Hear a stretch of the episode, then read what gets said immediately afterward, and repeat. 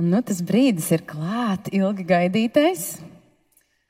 Um, jā, bērni pasauli redz tiešām pavisam citām acīm, un mums būs tā iespēja šodien palūkoties nedaudz ar viņu acīm. Tātad arī viņa jautājumi ir pavisam citādāki nekā, nekā mūsu.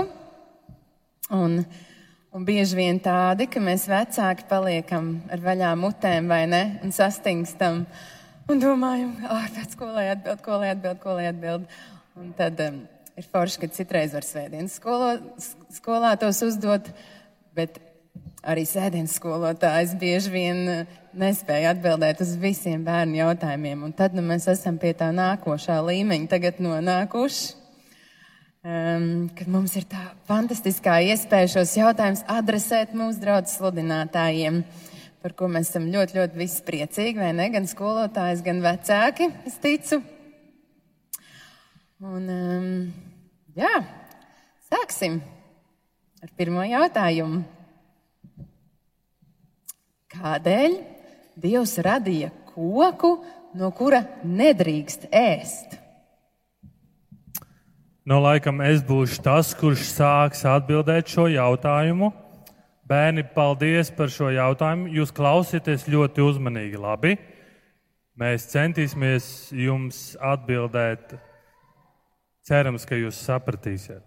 Ļoti labs jautājums, bet pirms es uzdodu šo jautājumu, es palūkšu manai sievai jums iedot katram pa marshmallowam. Jūs zināt, kas ir marshmallow? Jūs turat šo marshmallow, un kamēr es atbildu, jūs nedrīkstat ēst. Labi? Jūs nedrīkstat ēst, kamēr es atbildu šo jautājumu. Labi? Katrs paņem vienu, un tu nedrīkst ēst, kamēr es atbildu šo jautājumu.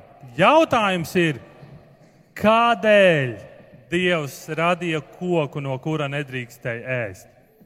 Atbildies gribu jums parādīt jeb atbildēt to, ko, ko tad māca Bībele. Un Bībelē ir rakstīts, pašā Bībeles sākumā ir rakstīts, un Kungs Dievs audzēja no zemes visus kokus, kas tīkami skatam un labi ēšanai. Un dārza vidū bija dzīvības koks un laba un ļauna atzīšanas koks. Tātad sākumā bija dārsts, un tur bija daudz, daudz koki. Un ziniet, kas bija pašā vidū? Bija divi koki. Viens bija dzīvības koks, un Dievs gribēja, lai cilvēks no tā ēd. Un tad bija laba un ļaunā atzīšanas koks, un Dievs teica, ja tu no tā koka ēdīsi, tu mirsi. Kāpēc Dievs radīja tādu koku? Kā jūs domājat? Tāpēc jūs mums dodat šo jautājumu. Es domāju, ka Dievs to radīja tāpēc, lai mūs pārbaudītu. Lai mūs pārbaudītu, vai mēs uzticēsimies Dieva vārdiem, vai mēs viņam paklausīsim, un vai mums pietiek ar Dievu.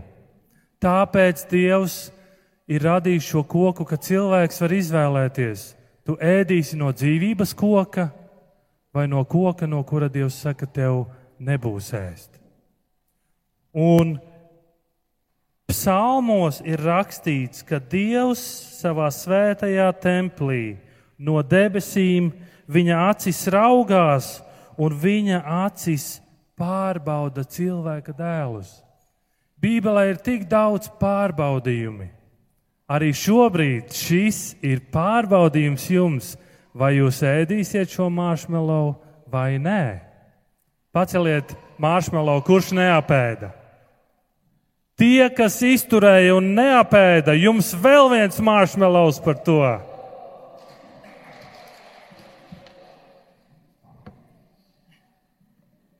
Nu, paldies! Izskatās, ka mums ir tiešām ļoti izturīgi bērni un paklausīgi. Prieks par to. Nākošais jautājums it kā pavisam vienkāršs, bet es noteikti nezinātu, ko atbildēt. Cik dievam ir gadu? Jā, bērni, paldies jums par jautājumiem. Un, uh, Tas ir atkal viens ļoti labs jautājums. Man dzird, ja, Tom, vai dzirdēju? Okay. Um, jā, nu, kā jums bērni šķiet, cik dievam ir gadi? Pasakiet kādus variantus.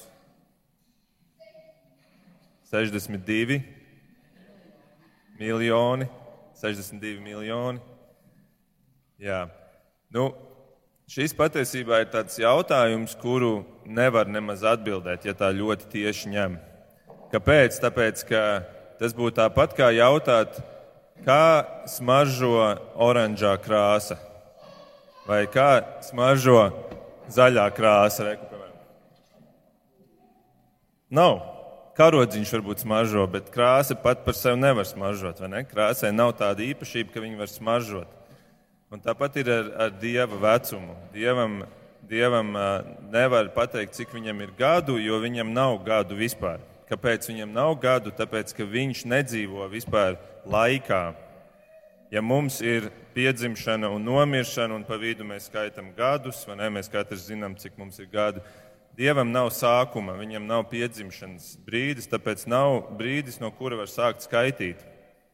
Un, eh, un tāpēc patiesībā Dievs radīja laiku. Tad, kad Dievs radīja visu pasauli, tad Bībelē ir teikts, pirmā mūzes grāmatā ir teikts, un Dievs teica, lai debesu jumā top gaismekļi, lai tie nošķir dienu no nakts, lai tie ir zīmes, kas rāda laiku mijas, dienas un gadus.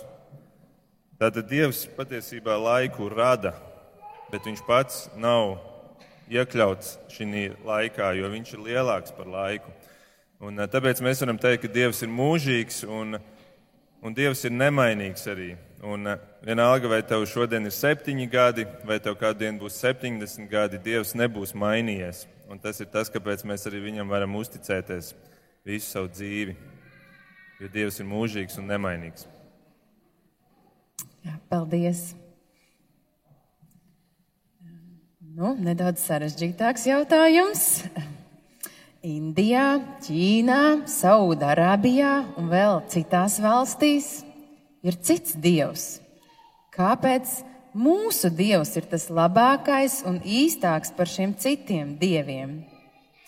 Un šeit jautātājs ir e, piezīmējis, ka Nederēs viņam atbildi, ka vienkārši Bībelē tā rakstīts, ka ir viens dievs un pārējie ir elku dievi.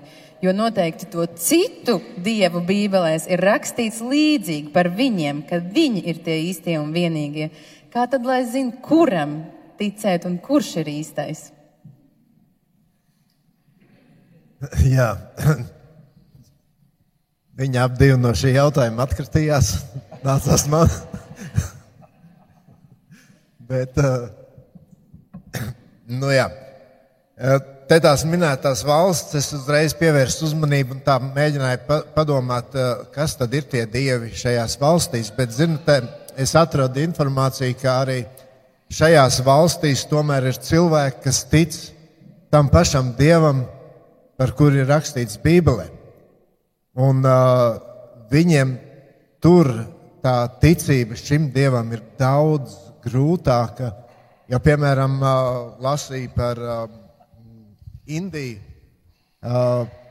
kur kādā štatā pēdējo, pēdējā mēneša laikā ir nodedzināts 55 baznīcas, kristiešu baznīcas. Tātad ir šajās valstīs arī cilvēki, kuri tic tam pašam dievam. Bet jautājums ir, nu, kā zināt, kurš ir īstais?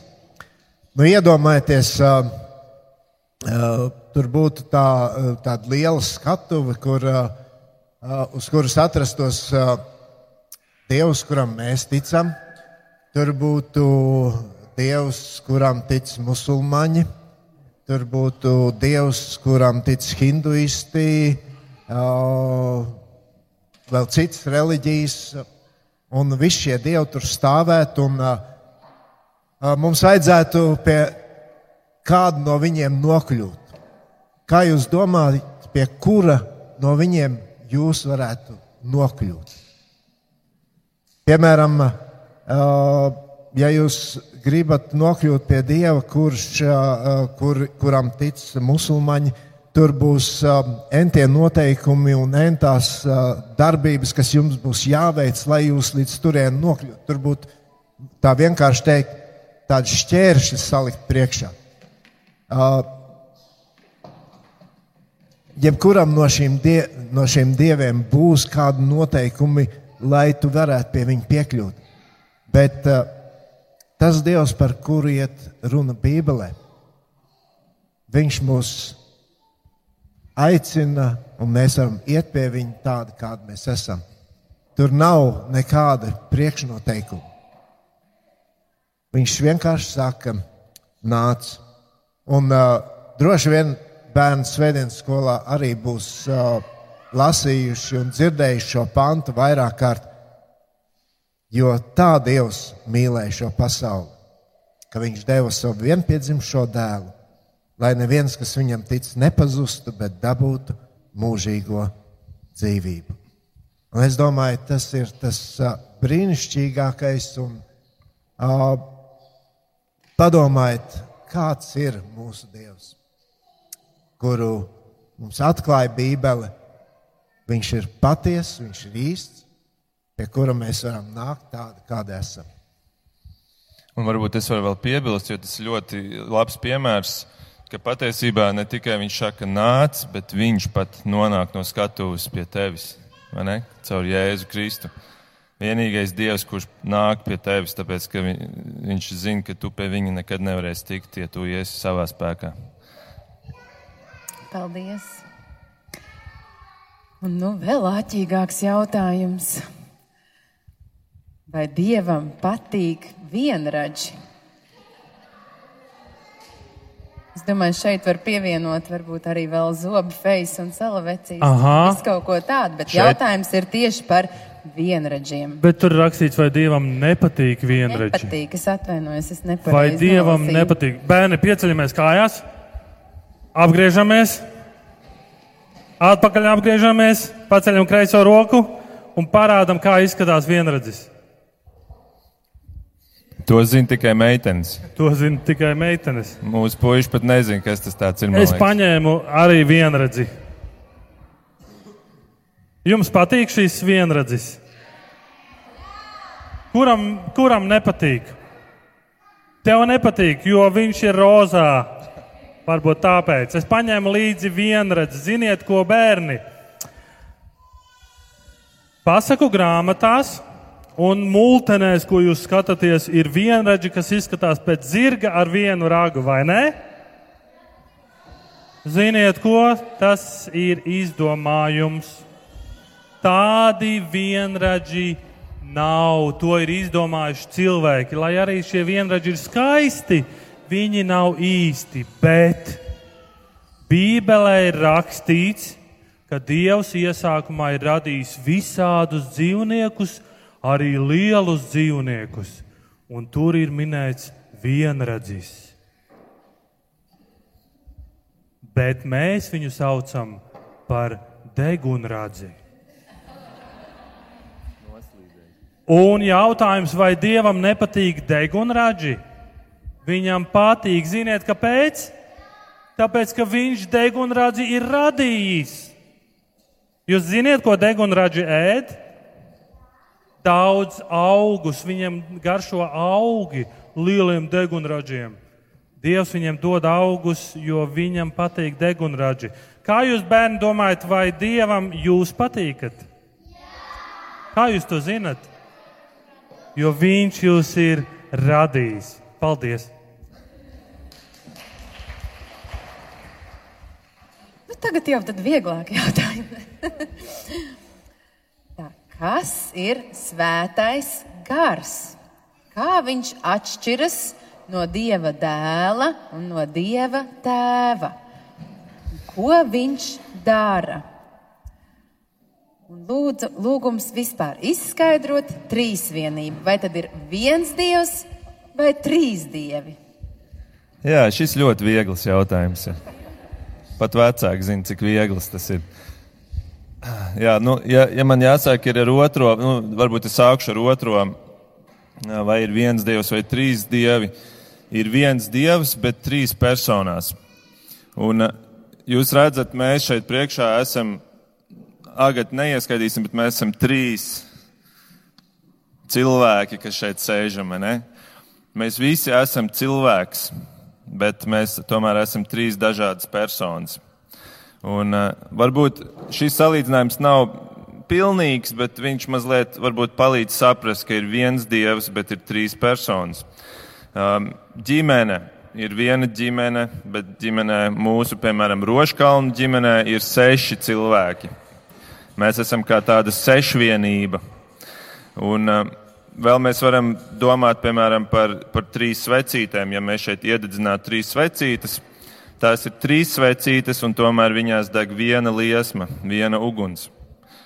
Mēs varam kaut kur redzēt, varbūt tā, ka trīs upītes, viņām visām ir viens ūdens, un tomēr trīs upes. Un, Apmēram tajā virzienā var mēģināt domāt par to, kāpēc ir šī trīsvienība, kuru ir tiešām grūti saprast, un viņu nevar tā līdz galam izskaidrot. Bet nu, tie ir tādi virzieni, kādos var mēģināt domāt. Un tā pirmā jautājuma daļa, kā tad svētais gars atšķirās un kas vispār ir, tātad svētais gars ir viena no šīm trīs dieva personām.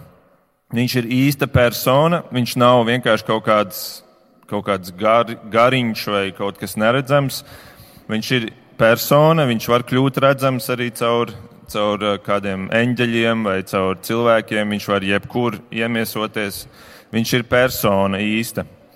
Un tas, ko mēs patiesībā redzam Bībelē, mēs tieši nesen par šo runājām, tad, kad jūs bijāt svētdienas skolā, ka, ka Jēzus kristības, brī, kristību brīdī svētais gars nolaižas uz Jēzus kā balodis. Tātad viņš savā ziņā var būt pārtapa par balodu nolaidās, vai arī viņš vienkārši kā balodis tā nolaidās, bet Jānis Kristītājs to redzēja ar savām acīm. Tātad šis svētais gars bija redzams viņam. Un pēc tam svētais gars bija tas, kurš Jēzum deva to spēku darīt visus tos brīnumus, par kuriem mēs lasām Bībelē, piemēram, iet pa ūdens virsmu vai apklusināt vētru Bībele pat saka, ka Jēzus augšām celšanās notika svētā gara spēkā. Un tāds ir tas svētais gars. Viņš, viņi sadarbojas kopā ar Jēzu, lai darītu visu to, ko Jēzus šeit darīja. Un tad tas skaistākais ir tas, ka tad, kad Jēzus aizgāja prom, jā, viņš aizgāja atpakaļ pie tēva, lai tur mums gatavotu mūsu dzīves uh, mājokļus, dzīvokļus, mājas, kā, kas no kuram mums būs tur. Bet, um, Viņš teica, ka es jums atstāju šo svēto garu, un tagad viņš, vis, viņš dzīvos jūsos. Ja jūs pieņemat Jēzu savā dzīvē, tad šis svētais gars dzīvo mūsos, tas pats svētais gars. Un, eh, un tā viņš darbojās kopā ar tēvu, ar Jēzu, un svētais gars ir šī trešā persona kuram šodien mūsu dzīvē ir ļoti, ļoti liela arī loma, ja mēs ticam Jēzum. Un viņš mūs sargā, viņš mūs aizstāv, viņš mums palīdz saprast, tā kā mēs Bībeli lasam. Un Jēzus teica, ka šo svēto garu pasaule, tie, kur netic Jēzum, viņi viņu nevar dabūt. Un tāpēc viņi arī netic Jēzum, tāpēc ka viņiem nav šī svētā gara, kurš ļauj viņiem to saprast. Paldies! Un tuvojas vasara un ir kļuvis ļoti viens jautājums aktuāls bērniem. Kāpēc ir tik daudz nejauku kukaiņu, kas kož? Acīm redzot, vecāki ir centušies skaidrot, ka, ka viņi ir vajadzīgi kā barības ķēdes sastāvdaļa, ko putniņiem ēst. Un tad ir turpinājums šim jautājumam, kāpēc tad putni nevar ēst tādus kukaiņus, kuri nekož cilvēkiem? Vēl kāds ir specifisks jautājums tieši, kāpēc Dievs radīs ērces un utis, kas tik lielu ļaunumu mums nodara? Lai Dievs tev žēlīgs.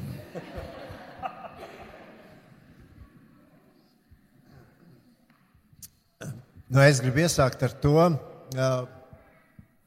ka tad, kad Dievs radīja šo pasauli, Viņš radīja arī visādus šos kustonīšus. Un, uh, tas dieva vērtējums bija ļoti interesants. Pilnīgi, pilnīgi pretējs tam, ko mēs tagad sakām. Ja mums nepatīk, Dievs beigās parādīja īkšķīt uz augšu un teica, forši, viss ir labi. Un, uh, nu jā, tad ir uh, jautājums. Un, uh, Un tas interesantākais ir tas, ka tie kukaiņi ir ļoti daudz. Zinātnieki ir atklājuši, ka um, pasaulē ir vairāk nekā desmit miljonu kukaiņu sugu. Desmit miljoni. Un uh, zinātnieks saka vienu svarīgu lietu, ka visiem šiem kukaiņiem ir ļoti liela nozīme dabā. Šie kukainīši, kā jau tur tika minēts, ir barība putniem, ir barība vēl citiem radījumiem. Un, interesanti, ka šie kukaiņi pirms viņi kļūst par kukaiņiem, tad viņi ir kūniņās vai ne? Un tad tās kūniņas ir barība tur vārdēm vai arī zivīm. Bet, uh, Zinātnieks saka vienu ļoti svarīgu lietu, ka, piemēram, ērces palīdz uzturēt līdzsvaru dabā.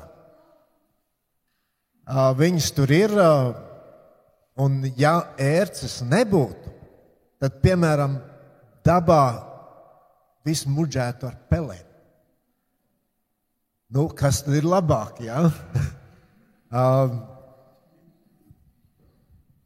Ērces ir tās, kas palīdz regulēt šo grauzēju skaitu. Citādi tas var, viņi var savairoties daudz, daudz, pārāk daudz un nodarīt vēl lielāku postu. Bet es domāju, ka šis ir jautājums arī par to, kā mēs kā cilvēki izturamies pret dabu. Jo uh, daudzas lietas uh, savairojas tāpēc, ka cilvēks ir iejaucies dabā pārāk daudz. Uh, nu, mēs varam iet jebkurā mežā, un mēs redzēsim, tur ir izmesti atkritumi. Viss ir piegružots.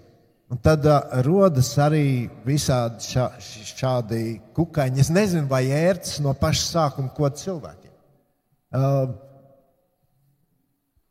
nu, es nezinu, kā tas bija, vai ne? Bet um, to pašu mēs varam arī uh, teikt par uh, utīm, uh, kas sagādā diezgan daudz raizes, vai ne, tur uh, bērniem un ģimenēs un tā tālāk. Bet, um, uh, nu, diemžēl šie radījumi arī ir šīs pasaules, un, un uh, mums ir jāmācās ar tiem sadzīvot vai cīnīties. Un uh, tagad vasaras sezonā, kā Gata teica, nu, būsim uzmanīgi. Ejot mežā, uzģērbsim drēbes, kā tiek teikts, lai tam ērcēm būtu grūtāk pieķerties gaišas drēbes. Bet uh, iesim un skatīsimies dabu, bet būsim uzmanīgi. Paldies, Ģert. Nu, tāds garīgāks jautājums. Kas aizved cilvēka dvēseli uz debesīm, kad viņš nomirst? Nesaprotu, kā no šejienes cilvēka dvēsele nokļūst tur augšā, kā cilvēka smadzenes nokļūst pie dieva gaisā, kad nomirst. Ko lai dara, ko lai dara, ko lai saka tā, tā.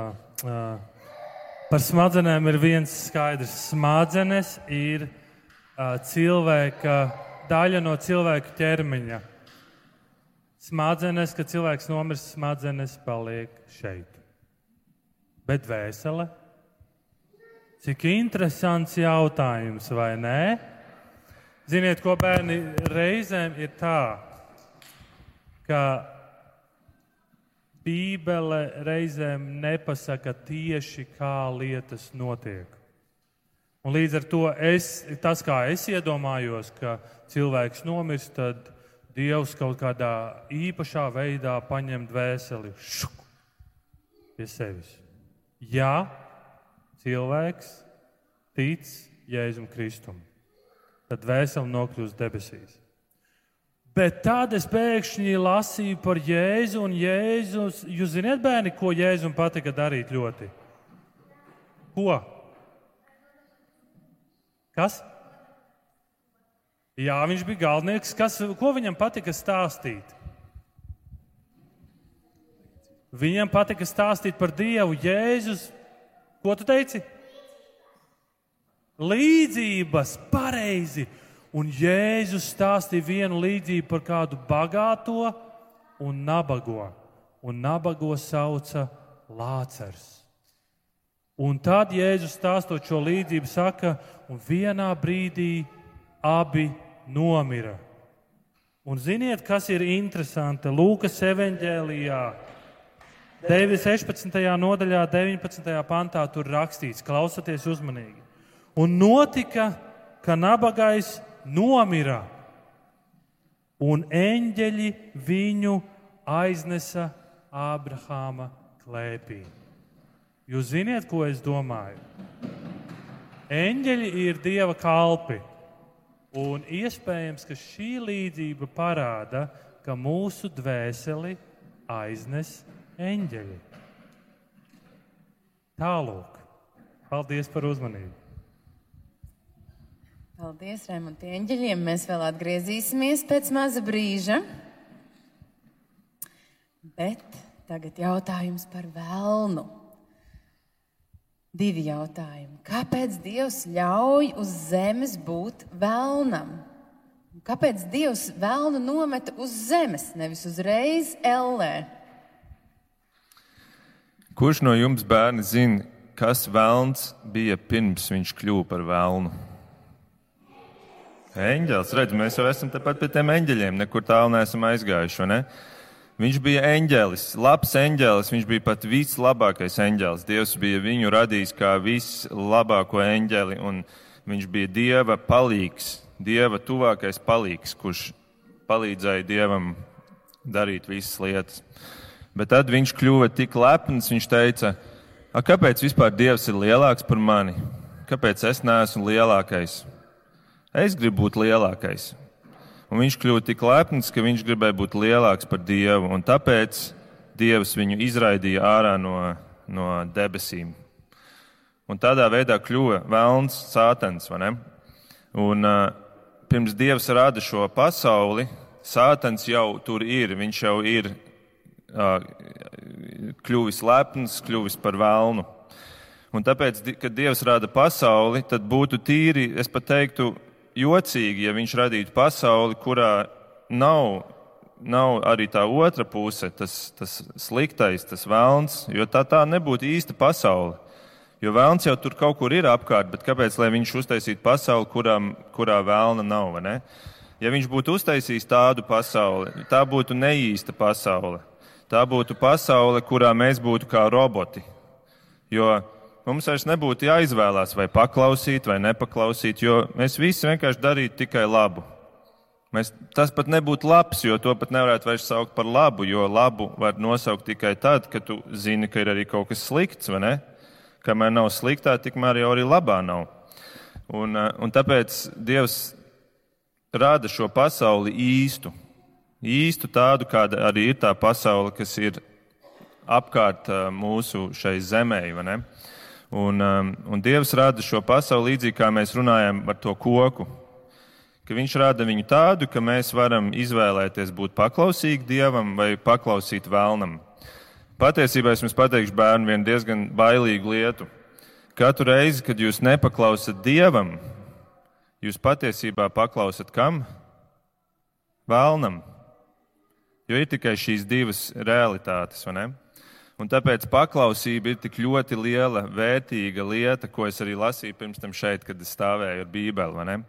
Paklausība ir kaut kas ļoti liels, un tāpēc, lai jūs mazliet atgādinātu jums par to paklausību, varbūt Marta var izdalīt vēl vienu marshmallow, kā atgādinājumu, kas ir paklausība šajā dzīvē un cik viņa nes labas lietas ne tikai marshmallows, bet visai dzīvei. Paldies! Un, nu, manuprāt, smagākais jautājums bērniem. Kāpēc vecāki izšķiras? Jā, un atkal man, protams.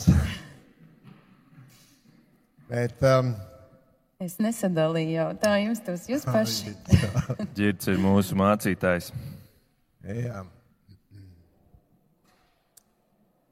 Uh, man ir šausmīgi grūti iejusties tā jautājuma uzdevēja situācijā. Uh, jo mums tie jautājumi ir anonīmi un uh, varbūt pat tas ir labi. Bet um, katrā ziņā uh, viens atšifrējums tam jautājumam ir, ka to ir uzdevis bērns vai ne? Es domāju, Agatē nebija blatiņš kādam pieaugušam to jautājumu uzdot. Bet, um,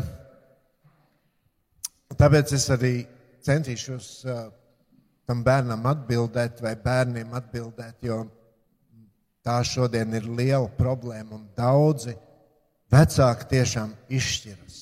Un, uh, tur paliek bērni. Uh, es gribu teikt, pirmkārt, bērniem nav jājūtas par to, nu, viņiem nav sevi jāvaino par to, ka vecāki izšķiras. Bērns tur nav vainīgs. Tās ir vecāka attiecības. Un, nu, diemžēl tur pa vidu ir arī šis bērns.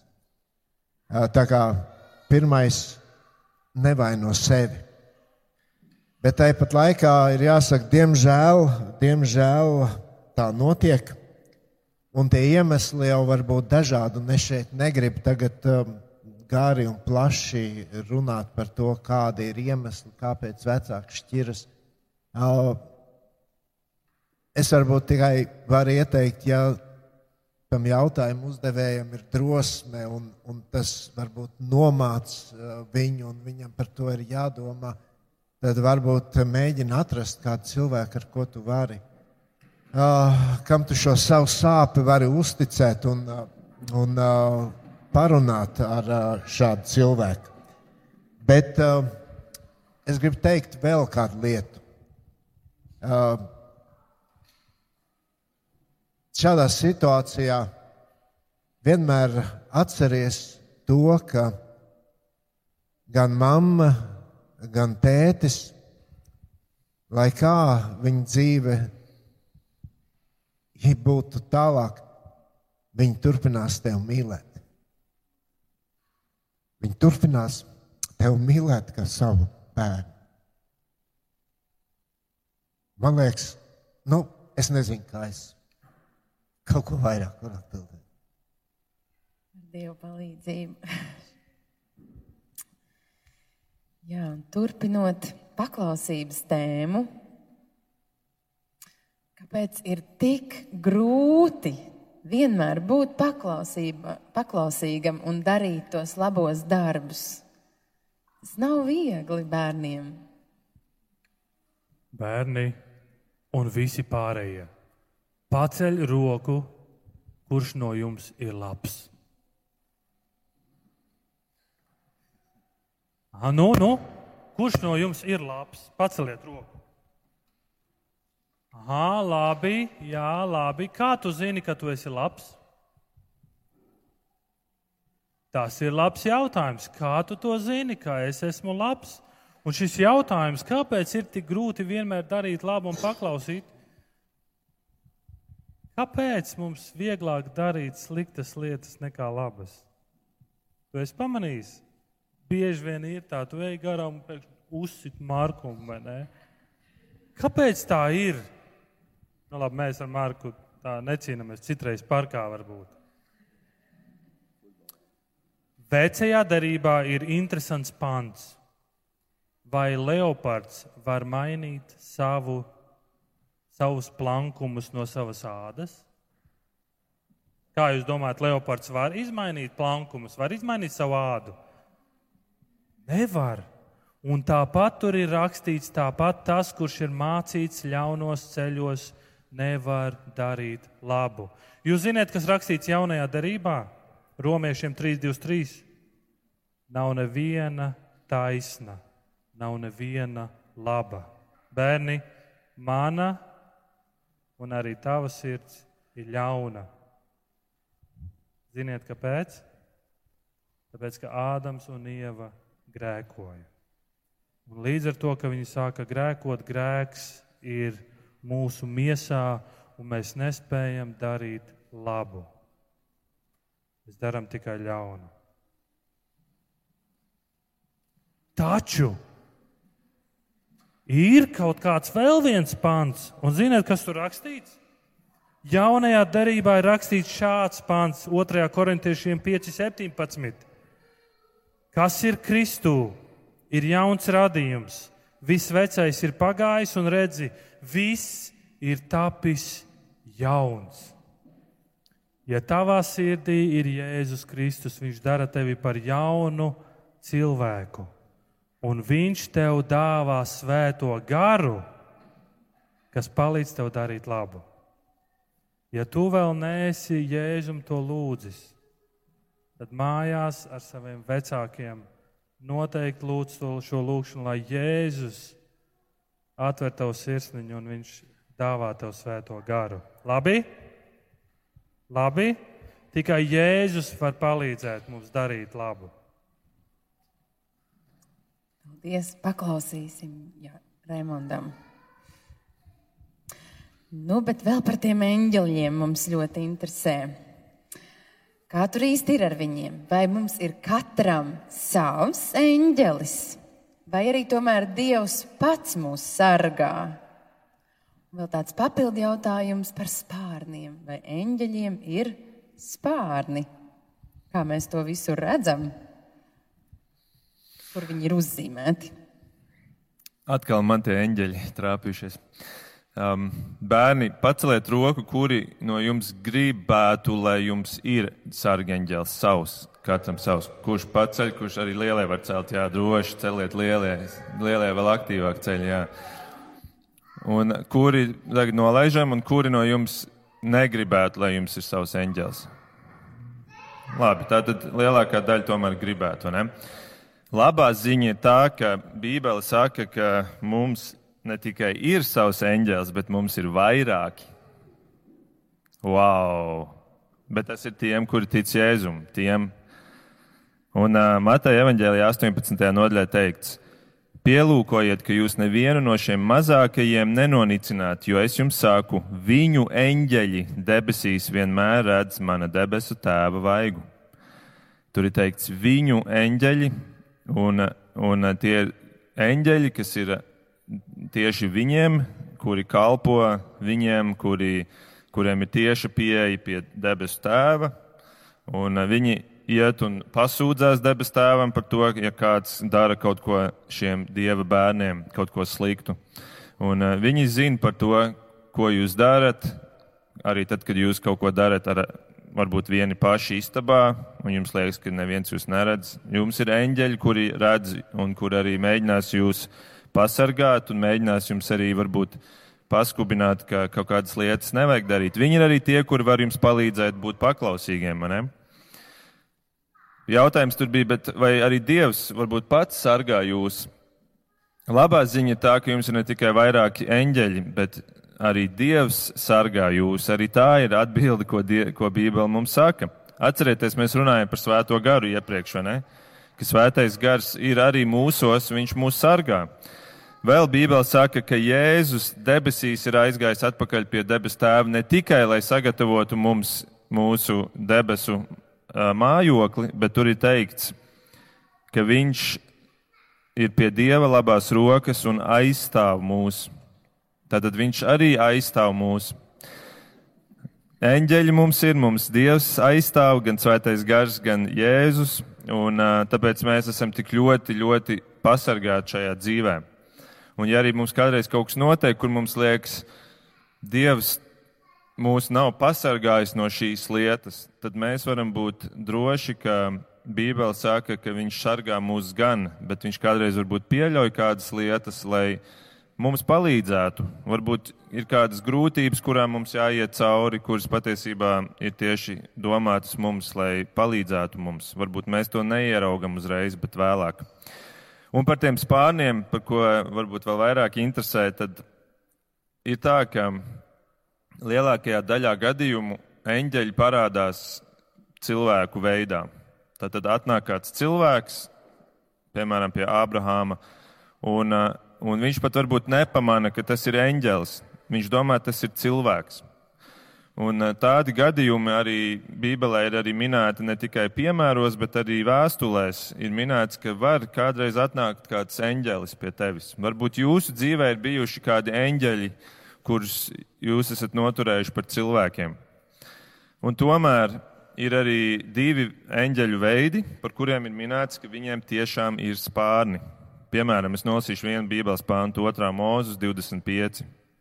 Lai ir tā, ķērubi no augšas, lai izpleš savus spārnus un ar spārniem noēno pārsegu un tā tālāk. Ķērubi un serafi ir divi eņģeļu veidi, kuri pie tām ir paši stiprākie, spēcīgākie eņģeļi, kādus Dievs ir radījis, un viņiem ir minēts, ka viņiem ir spārni.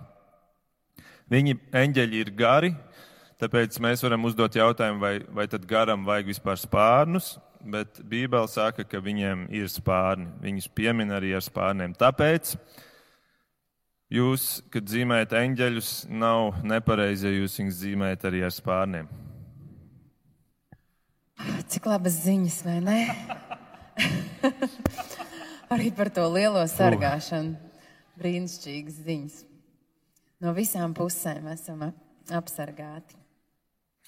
Vēl viens tāds kosmisks jautājums, kā kosmos var nebeigties nekur.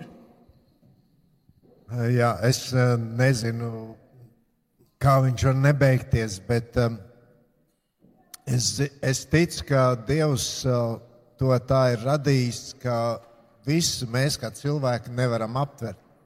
Katrā ziņā es domāju, Dievam jau ir arī tas gals sākums un gals uh, arī tam kosmosam.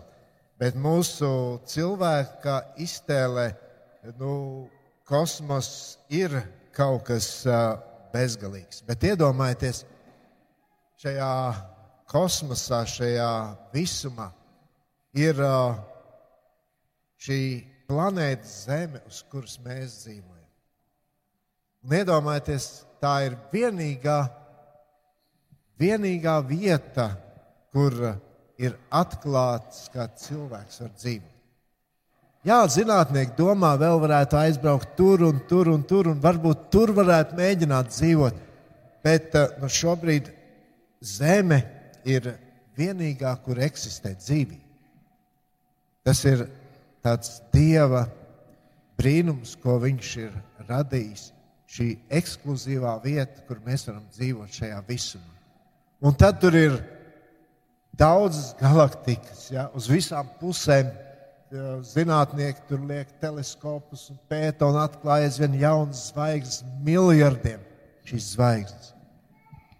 Un uh, tiem teleskopiem ir robežas, cik tālu viņu redzēt, un pēc laika atklājas spēcīgāk un redz vēl tālāk. Jā, tas tā ir kosmoss nebeidzas, visums nebeidzas. Un tas ir tāds brīnums, ko Dievs ir radījis. Es tikai to varu pateikt. Tiešām ne, neaptverams fakts. Tiešām nevar arī iztēloties, kas tur varētu beigās būt. Nekāda siena taču nevarētu būt.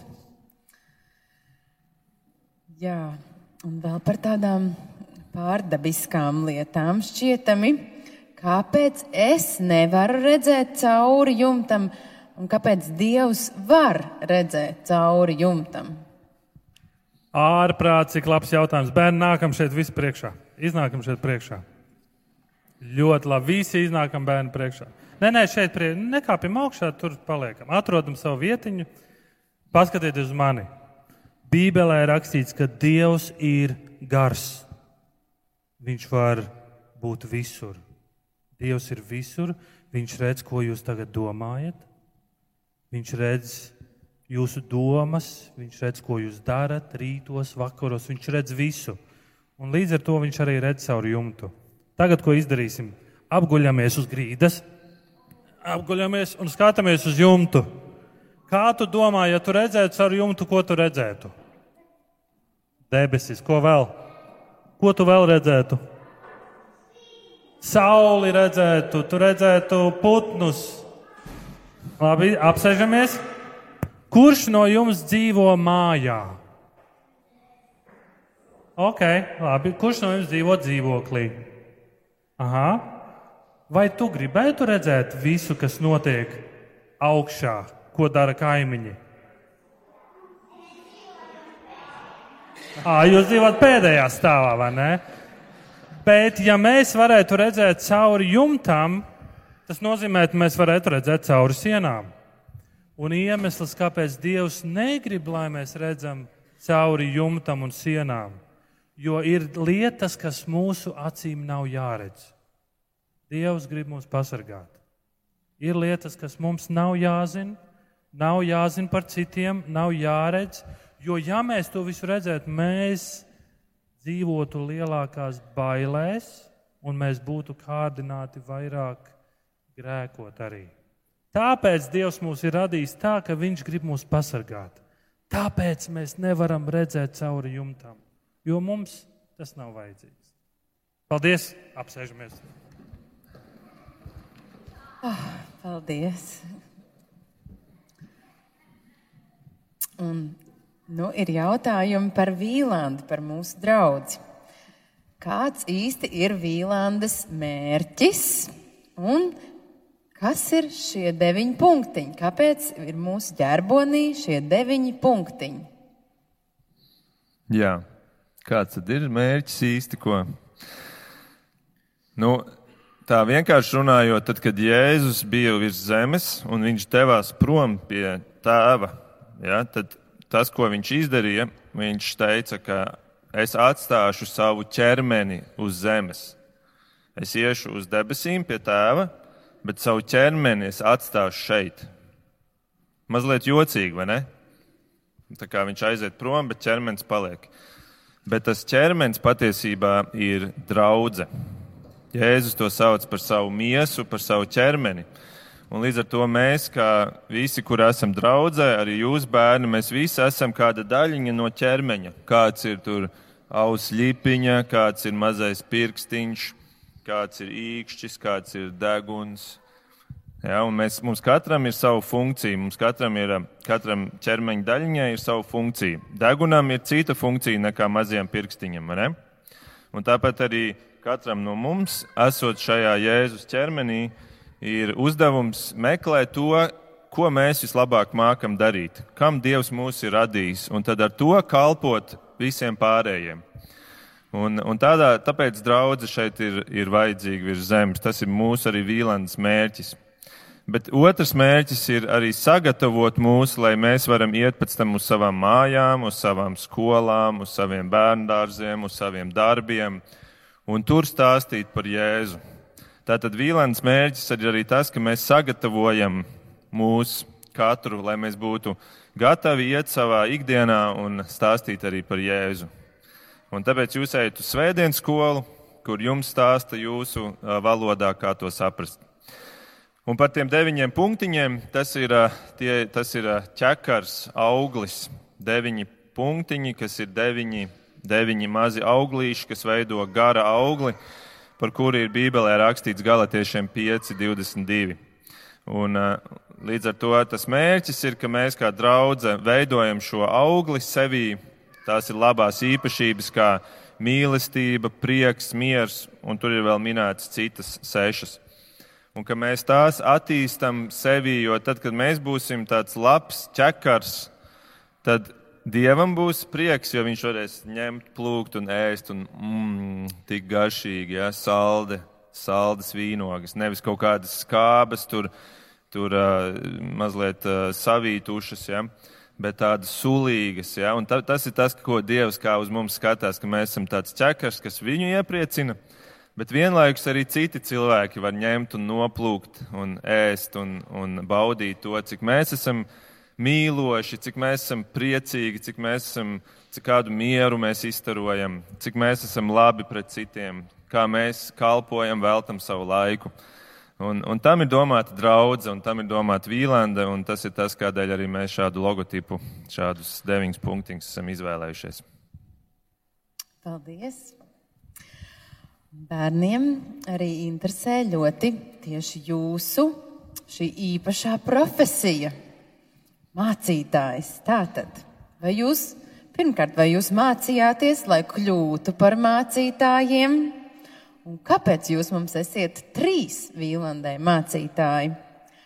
Vai jums patīk sludināt? Un vai tas ir grūti būt mācītājam? Ok, labi, es sākšu no beigām. Ja? Ir grūti būt mācītājam. Bet uh, tajā pat laikā ir arī skaisti būt mācītājiem un uh, ir um, tāds gandarījums būt mācītājiem. Un tad man ir jautājums, kurš no jums bērni varbūt esat uh, tagad tā skatāties uz šiem trim vīriem šeit priekšā, jā, un domāt, ah, es arī gribu būt mācītājs. Ir kāds?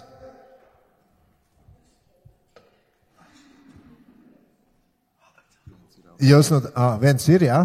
Jā, viens ir. Nu, tad mēs būsim četri, varbūt drīz. Uh, un uh, katrā ziņā,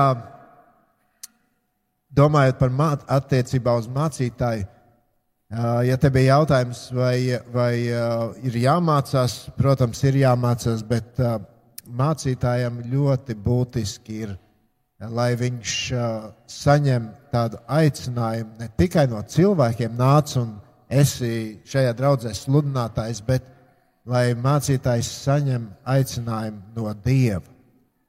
Un, uh, uh, Ziniet, ne jau vienmēr tas tā notiek, ka kāda balss tev tā skaidri pasaka, ka tev tagad jābūt mācītājiem. Nē, Dievs izmanto arī cilvēkus aicinot, un tad um, dažādos veidos varbūt atklājot, jā, tas ir tas ceļš, kas tev ir jāiet, un tev ir jākļūst un ir jāatsaucas šim aicinājumam. Bet um, arī jāmācās ir. Un uh, man prieks, ka uh, Raimons, Markus, viņi jau jauni, viņi mācās. Uh, es arī, cik es spēju, es mācos. Uh, dažādos veidos, gan klausoties citus, kā citi sludina, gan lasot grāmatas, apgūstot kādas lietas.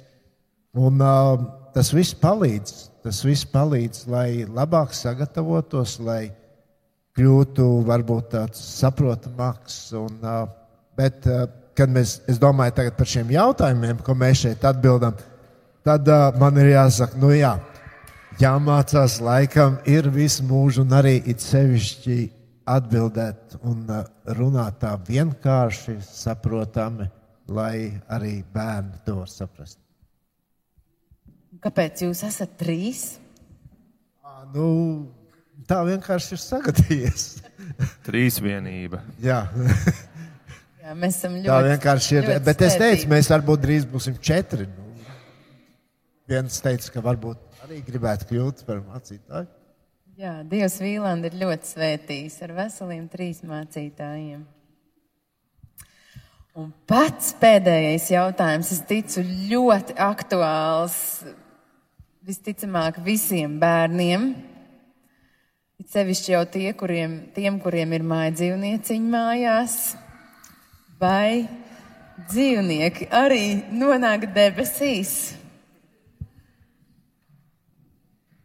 Bērni, kuram no jums ir mājdzīvnieki mājās?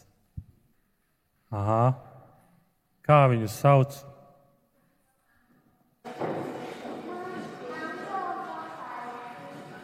Aha. Jums patīk jūsu mājdzīvnieki? Kā jūs domājat, Dievam arī patīk? Jā, es arī domāju. Tāpēc Dievs viņus ir radījis. Um, Kā jūs domājat, ko, kad Dievs dod cilvēkam dzīvniekus, ko jūs varat iemācīties no saviem dzīvniekiem? Tu vari iemācīties lidot, tu esi mēģinājis. Bet ko dzīvnieki mums var iemācīt? Kā rūpēties, vai ne? Kā mīlēt, kā iedot ēdienu katru dienu, kā iztīrīt kakiņas vai iztīrīt um, akvāriju. Caur dzīvniekiem mēs ļoti daudz ko varam iemācīties. Dievs ir arī devis dzīvniekus, lai mums būtu arī ko pāriest. Tad ir, ir dažādi veidi, kāpēc Dievs dod mums uh, dzīvniekus. Bet ziniet, ko es Bībelē nevaru atrast? Bībelē nav rakstīts, ka dzīvnieki nokļūst debesīs vai ellē. Un Bībelē nav arī rakstīts, ka Jēzus ir nācis, lai glābtu dzīvniekus.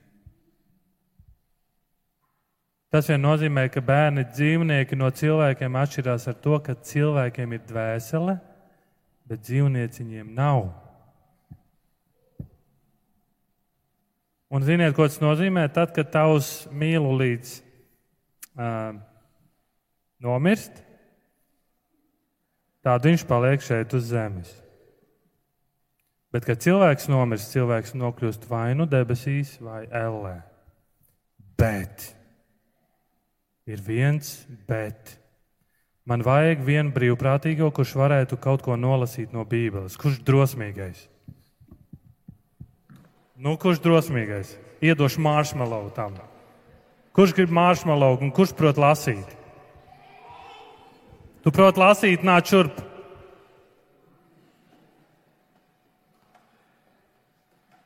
Tev būs jānolasa no 6. Līdz 9. pantam ieskaitot. Labi, stop, vēl nelasi. Viņš lasīs pantus no vecās derības, un šos pantus saka kāds pravietis, kurš sludina par, kurš pastāsta, kas būs debesīs. Un, bērni, es gribu, lai jūs mēģināt saskaitīt, cik dzīvniekus jūs spējat saskaitīt. Lasam!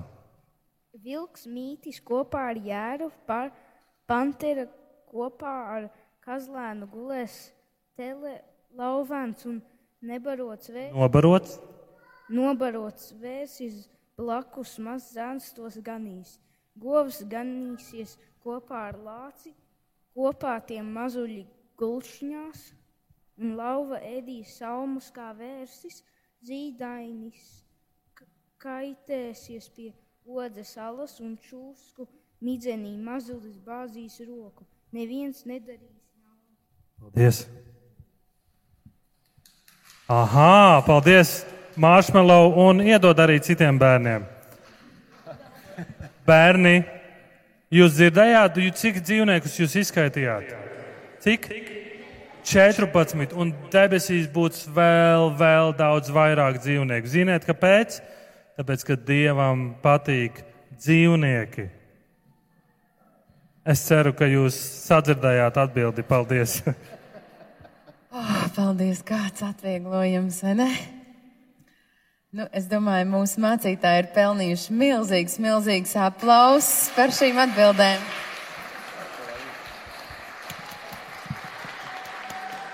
Jā, mēs ticam, ka tas nebija viegli. Mēs zinām, ka tas nebija viegli. Un tiešām paldies jums par šo uzņemšanos. Paldies bērniem! Un es domāju arī, ka mēs pārējie daudz ko ieguvām no šīm atbildēm, gan to, gan ieraudzījām šo pasauli mazliet ar bērnišķīgākām acīm, gan tiešām guvām ļoti vērtīgas atbildes kurus arī mēs varēsim atbildēt tālāk, kad saskarsimies ar šādiem jautājumiem, vai ne?